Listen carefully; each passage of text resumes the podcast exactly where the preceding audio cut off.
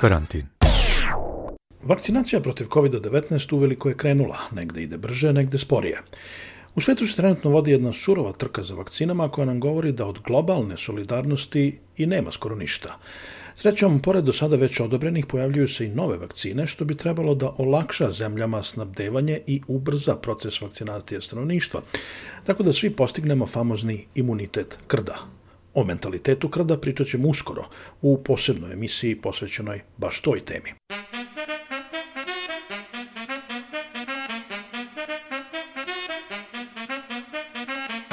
Ja sam Aleksandar Kocić, a moj gost danas je Ivana Knežević, naučnik koji u Svetskoj zdravstvenoj organizaciji u Ženevi vodi tim za standardizaciju bioloških preparata.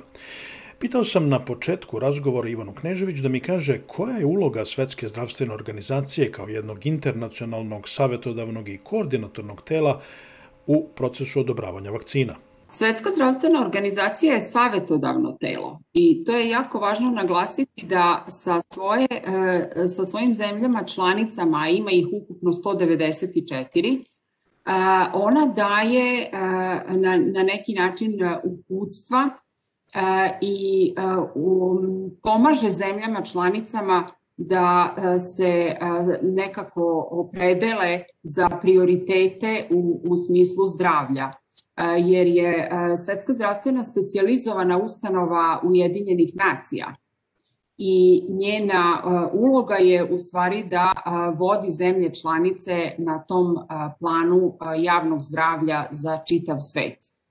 Tako da su programi Svetske zdravstvene jako raznoliki od programa koji se bave hranom, vodom, higijenom uopšte, zaštitom životne sredine, E, do ovih programa u kojima ja radim, e, koji su znači imunizacija, priprema standarda za, za vakcine, postoje standardi za lekove, imunizacija kao, kao širok program na, na svetskom nivou, tako da su vrlo raznolike teme. Šta znači primjena standarda ili priprema standarda za imunizaciju i za vakcine? E, standardi za, za ispitivanje vakcina a, su namenjeni obezbeđenju kvaliteta, a, bezbednosti ili kako se to još kaže neškodljivosti i efikasnosti vakcina. I ti standardi mogu biti pisani, mogu biti fizički. Kad kažemo pisani, to su takozvane smernice koje Svetska zdravstvena objavljuje u, u svojim a, publikacijama i to je namenjeno a, zemljama članicama kao osnova pomoću koje one definišu svoje a, standarde, znači postoje nacionalni standardi. Ovo što Svetska zdravstvena priprema, to su međunarodni standardi i namenjeni su upotrebi u, u celom svetu, odnosno u svim zemljama članicama dok su standardi koje svaka zemlja uspostavlja takozvani nacionalni standardi. I u većini slučajeva zemlje članice koriste potpuno e, standarde pripremljene od strane Svetske zdravstvene kao svoje nacionalne standarde, ali u nekim slučajevima mogu imati i dodatne standarde. Znači, e, sad, ne znam, e, zemlja uzme da razmatra koju će vakcinu da koristi u borbi protiv COVID-a, E, koliko se ti standardi od zemlje do zemlje e, razlikuju? Da, to je odlično pitanje. Upravo je to i, i cilj uh, ove standardizacije uh, koju Svetska zdravstvena uh, um, sprovodi i vodi, da kažem, već preko 70 godina, da, da da jednu osnovu koja bi služila većini zemalja članica kako se ti standardi ne bi razlikovali jer lako je shvatiti da ako svaka zemlja ima iste ili slične aršine ili kriterijume ili standarde za ocenjivanje kvaliteta bezbednosti ili i efikasnosti, utoliko će biti usklađenije ocenjivanje tih značajnih preparata na nivou čitavog sveta. Značajno se komplikuje ako jedna zemlja ima više standarde, druga niže, i u tom smislu je onda i priprema tih podataka, recimo ako, ako bi trebao da se izvodi jedan klinički ogled da bi se zadovoljio standard u Evropi, a drugi klinički ogled da se zadovolje standardi u Aziji, a treći klinički ogled da se zadovolje standardi u, u, u recimo Sjedinjenim američkim državama. E sad, evo, na primjer, imamo slučaj sa AstraZeneca vakcinom, oksfordskom, koja se u Britaniji daje svim starosnim grupama, Evropska unija kaže može, mi odobravamo vakcinu, a onda pojedinačne zemlje, pre svega Nemačka, kažu e, ali mi nećemo ovima koji su stariji od, ne znam, 65 godina. Svi gledaju u iste papire, svi gledaju istu dokumentaciju. Otkud onda razlike? Jeste, ali šta je značajno razumeti u tom procesu? Um, nacionalne kontrole ili kako ih mi zovemo nacionalna regulatorna tela, kao što su recimo u Srbiji ALIMS, u Sjedinjenim američkim državama je US FDA, uh, EMA u Evropi i svaka zemlja članica u, u Evropi takođe ima svoju nacionalnu regulatornu agenciju. Znači, pored EMA koja donosi preporuku na nivou Evropske unije, svaka zemlja članica ima još i svoje regulatorno telo. Ta regulatorna tela imaju zadatak da izvrše ocenjivanje e, tih e, vakcina prema svojim standardima, zato sam rekla da je važno da zemlje članice usvoje standarde svetske zdravstvene kako bi bilo sve usklađeno na, na svetskom nivou. E, međutim, o, njihova uloga i zadatak je takođe da obezbede ono što je najprikladnije za njihovu populaciju.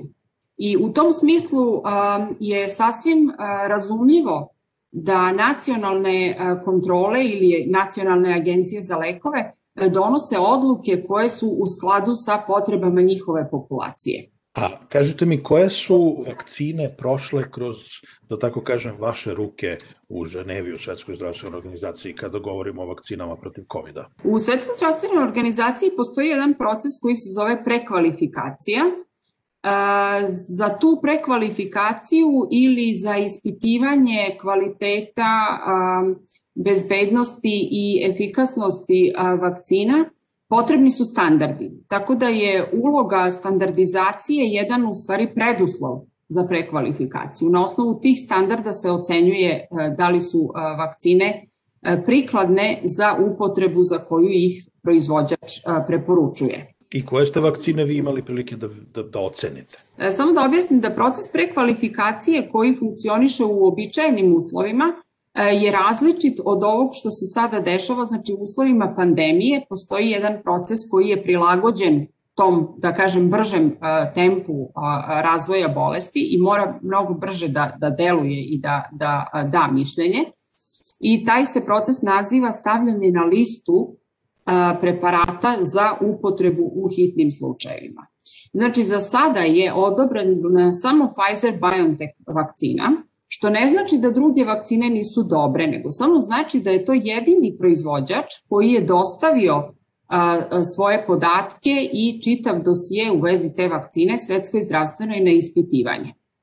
Važno je još znati da svetska zdravstvena nije zamena za regulatorna tela zemalja, nego je samo savetodavno telo, znači mišljenje koje da svetska zdravstvena, zemlje mogu da upotrebe kao takvo, a mogu da donesu i svoju sobstvenu odluku. E, samo Pfizer je, kažete, vama dostavio e, dokumentaciju, a drugi proizvođači su se obratili konkretnim e, zemljama ili institucijama kao što je Evropska unija. E, I drugi proizvođači su dostavili dokumentaciju Svetskoj zdravstvenoj organizaciji, ali proces ispitivanja kvaliteta, bezbednosti i efikasnosti nije još završen. Tako da ovo što sam rekla da je samo Pfizerova vakcina za sada odobrena, to znači da je samo za nju završena procedura ispitivanja. Pošto kažete da je procedura završena, šta je to što vi gledate i ocenjujete kad uzimate u razmatranje kad dobijete dokumentaciju za jednu vakcinu? To su jako opsežna ispitivanja, znači slična kao što su i ona što se dešavaju na, znači, sa aspekta nacionalne kontrole, znači gleda se kvalitet, gleda se bezbednost, efikasnost, ali e, vrlo su rigorozne kontrole koje vakcine prolaze, jer vakcine za razliku od lekova nisu samo predmet registracije ili sad ovoga specijalnog odobrenja za upotrebu u pandemiji, već se takođe ocenjuje i kvalitet svake serije vakcine, što je još dodatni a, a, a, faktor, da kažemo, obezbeđenja kvaliteta. I tu se gleda sve, znači od toga gde se vakcina proizvodi. Postoje vrlo strogi standardi za proizvođačke pogone, kako ti pogoni treba da izgledaju, kako proizvodnja treba da teče, kako recimo kod inaktivisanih vakcina da se obezbedi potvrda da je virus inaktivisan. Tako da na svakom stepenu proizvodnje i razvoja vakcine postoje određeni standardi koje vakcina treba da zadovolji.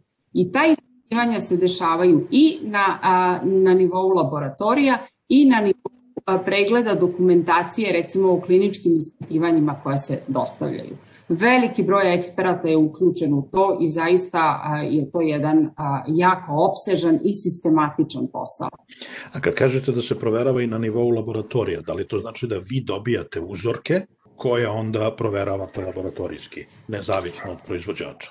Da, e, tim e, koji se bavi prekvalifikaciju, znači tim za prekvalifikaciju u svetskoj zdravstvenoj se bavi organizacijom tog testiranja u laboratorijama u svetu. I kao što znate, preko 200 vakcina je trenutno u razvoju, tako da očekujemo da će biti i mnogo više onih koji će biti podneti svetskoj zdravstvenoj na ispitivanje.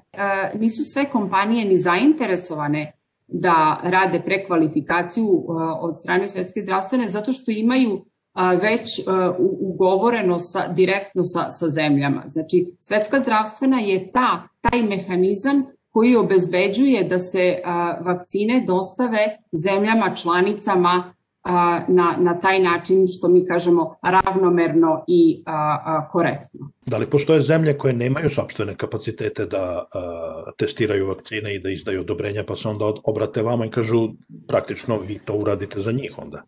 Da, to je jedna od, od namena e, programa prekvalifikacije da u zemljama gde ne postoji dovoljno stručnog kadra ili ne postoji kapacitet da se a, izvrši ocenjivanje kvaliteta bezbednosti i efikasnosti, u tim zemljama je mišljenje koje dobijaju od, od programa prekvalifikacije dragoceno, ali ponovo je u, u pitanju isti proces da te zemlje takođe na osnovu mišljenja Svetske zdravstvene, odnosno prekvalifikacije, mogu da prihvate to ili da ne prihvate, mogu potpuno da donesu sobstvenu odluku. Znači, jako je bitno da su zemlje članice nezavisne a one primaju naš savet i mišljenje, ali same donose odluke. Da li se nekada desilo ili se desi da se vaša odluka o nekoj konkretnoj vakcini razlikuje od odluka neke zemlje ili od vodećih ovih e, agencija koje ste spomenuli? E, redko se dešava, ali može se desiti a, kad se radi o novim vakcinama, kad a,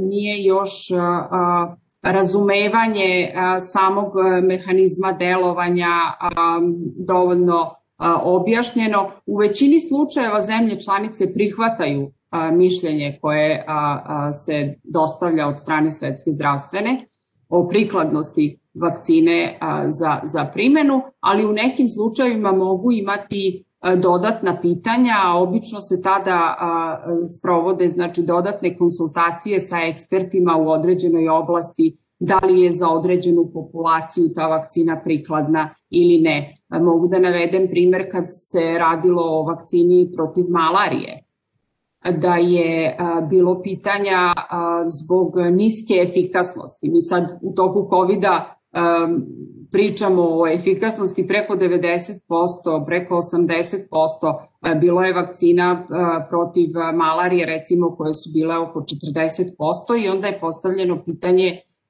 kakva je svrha te vakcine za tu datu populaciju. Jel možete da mi pojasnite tu uh, efikasnost? Svi što ste rekli pričamo o tim famoznim procentima, ali koliko zaista razumemo šta znači efikasnost jedne vakcine i da li možemo se opustimo ako kažemo ova vakcina je efikasna 90%? Da li možemo se opustimo ako nije efikasna 100%? Kao što ni jedna nije. Za vakcine se smatra ako su efikasne preko 90% da je to izuzetno dobra efikasnost A, međutim, postoji mnogo faktora koji će uticati na imunski odgovor. A, vrlo je značajno razumeti da sa jedne strane imamo vakcinu, sa druge strane imamo čoveka.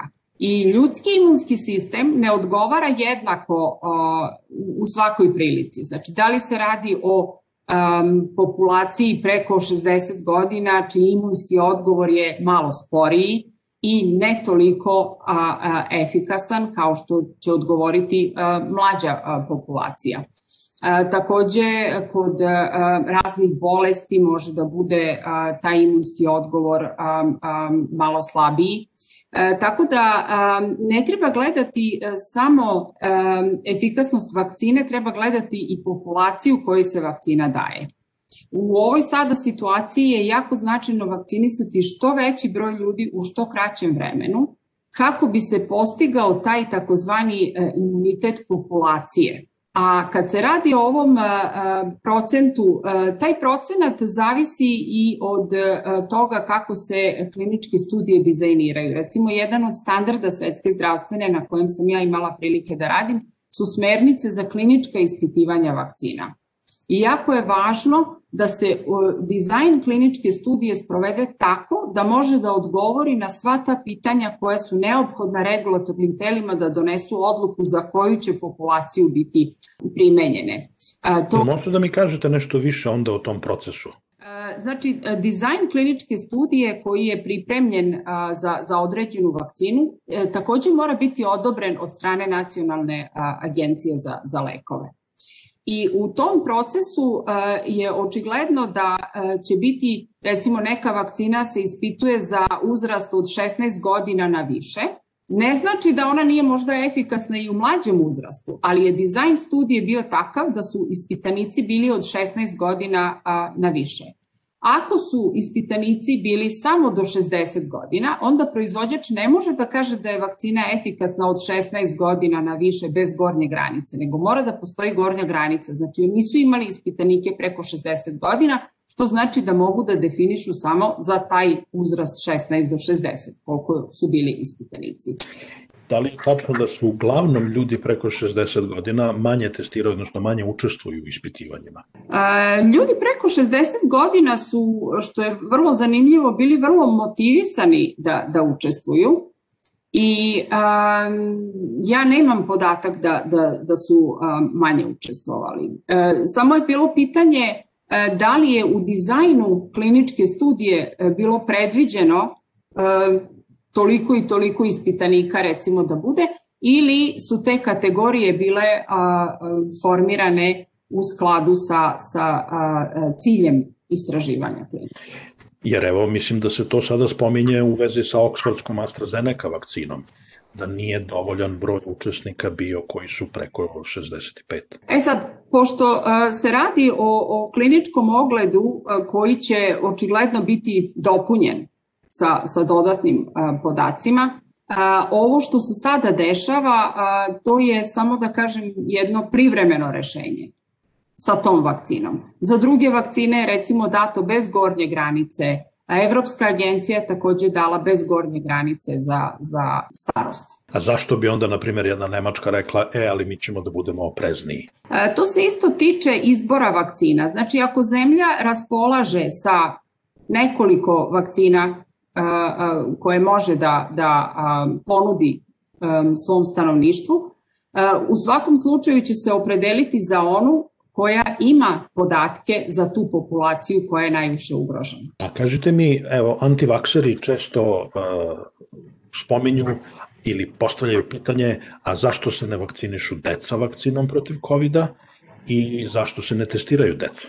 Da li deca, vi, vi ste rekli da deca uglavnom ne učestvuju u ispitivanju, u kliničkim ispitivanjima. E, deca učestvuju u kliničkim ispitivanjima za vakcine koje su namenjene deci. Ne u prvim fazama, jer prve faze koje se odnose na, na bezbednost vakcine moraju da se izvedu na odrasloj populaciji, e, pa se tek kasnije e, uključuju deca ali u ovom slučaju se radi o ugroženim kategorijama, mi to sad zovemo rizične kategorije, e, to su stariji. Pošto oni više oboljevaju, oni su na prvom udaru i zbog toga su oni definisani, znači stariji, hronični bolesnici, zdravstveni radnici koji su izloženi velikom riziku. Znači ta rizična populacija se sada prvo vakciniše. Što se tiče nekih kasnijih planova, o tome će se tek diskutovati. Videli smo da se na, u zapadnim zemljama u Evropi uglavnom sada koriste Pfizerova i ova Oxfordska vakcina, mislim da negde i moderna vakcina već ulazi u upotrebu, dok je u bivšoj Jugoslaviji, odnosno pre svega u Srbiji, uveliko se koriste ruska i jedna od kineskih vakcina. Da li ste vi u Svetskoj zdravstvenoj organizaciji imali prilike da vidite nešto u vezi sa tim vakcinama iz Rusije i Kine? Da, sve su te vakcine, što bi se reklo, u, u fazi ispitivanja i, i od strane Svetske zdravstvene organizacije. Kao što sam rekla, interes kompanija za distribuciju vakcina u, u čitavom svetu preko Svetske zdravstvene je različit recimo male kompanije kao što je Moderna, oni nemaju interes da, da idu na prekvalifikaciju svetske zdravstvene jer nemaju ni kapacitet da proizvedu toliko doza koliko svetskoj zdravstvenoj treba za čitav svet. Tako da postoji puno razlika. Ako neka vakcina nije odobrena od svetske zdravstvene, to ne znači da ona nije dobra. To može da znači da ta vakcina nije ni podneta na ispitivanje, može da znači da je podneta na ispitivanje, ali nije ocenjena kao prikladna za potrebe a, a, korišćenja u, u čitavom svetu, jer te su potrebe znatno različite od, od onih potreba koje jedna zemlja može da ima. Tako da će svaka zemlja gledati da snabde svoju populaciju, a naravno cilj svetske zdravstvene je da se što veći broj populacije u svetu vakciniše i da taj proces ide bez zastoja, što je sad, da kažem, veliki izazov. Ali suština u procesu odobravanja jedne vakcine, suština je da vi praktično vi ili nacionalno telo prolazi kroz papire, kroz dokumentaciju, jer mi ne možemo sada u svakoj zemlji da radimo testiranja i da kažemo aha, jeste ovoliki broj.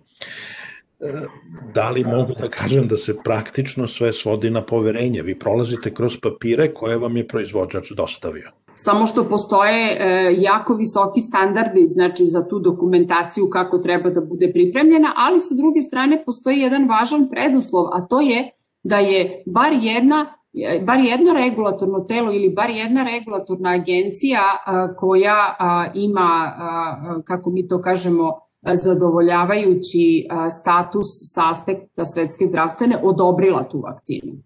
I jel možete da mi kažete sad i ovo, vidimo da se sad pojavljuju problemi e, zbog novih sojeva virusa, i evo sad, ne, znam, Južna Afrika je obustavila upotrebu e, oksfordske vakcine zato što izgleda da nije efikasna u dovoljnoj meri protiv južnoafričkog soja i tako dalje. To pretpostavljam da onda zahteva i dodatne provere i kod vas. Znači da to je proces koji traje. Da, ispitivanja su u toku i ta ispitivanja su a, vrlo opsežna, znači obuhvataju različite nivoje a, u kojima a, dolazi do, do mutacije virusa.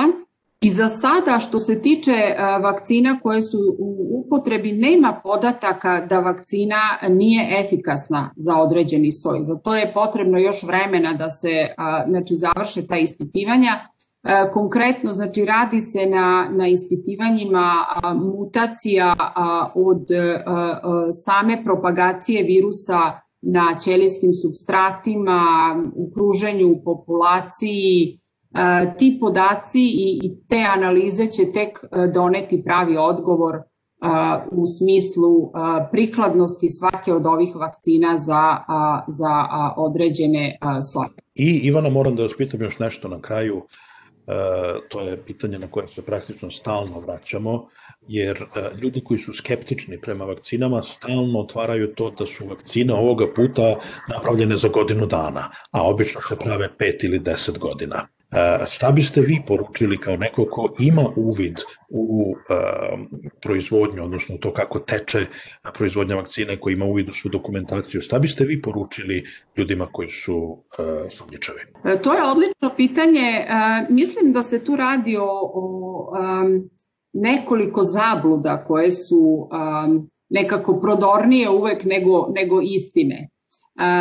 Zabluda je da su vakcine napravljene na brzinu, zato što su to tehnologije koje su bile razvijane decenijama.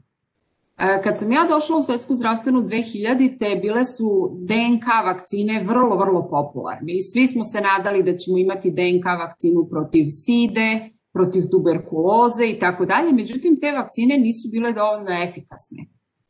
A, s, u avgustu prošle godine naš Komitet Svetske zdravstvene za biološke e, standarde je odobrio uh, um, dopunjene smernice za ispitivanje uh, kvaliteta, bezbednosti i efikasnosti DNK vakcina. Uh, sad je u toku diskusija o RNK vakcinama. Znači to nove tehnologije takozvane bazirane na nukleinskim kiselinama um, su veliki broj godina u, u ispitivanju, imamo mnogo podataka, naročito za DNK vakcine.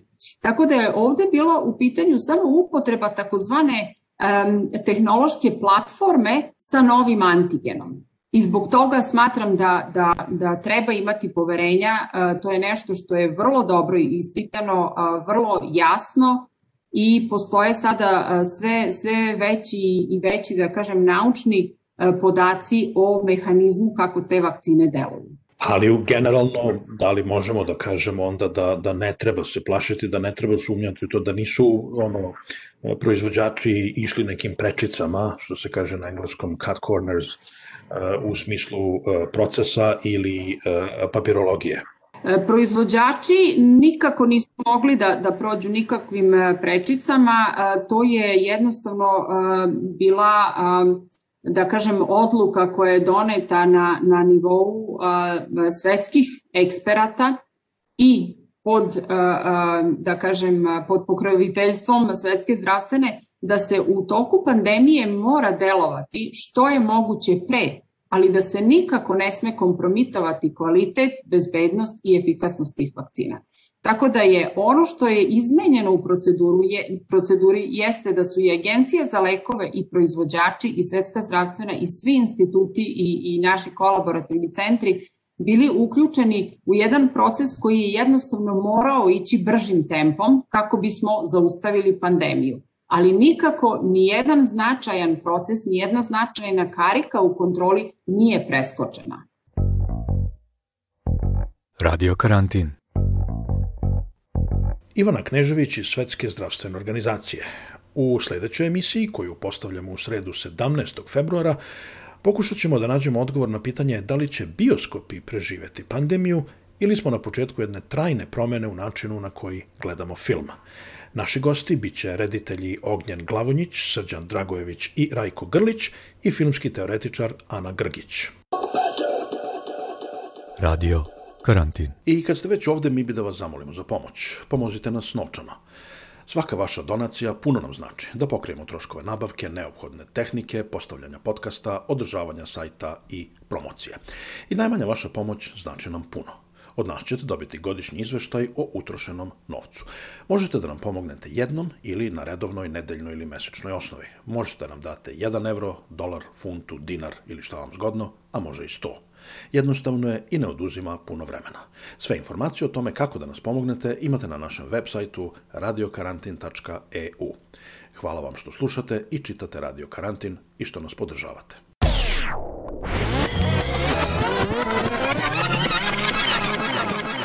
Radio Karantin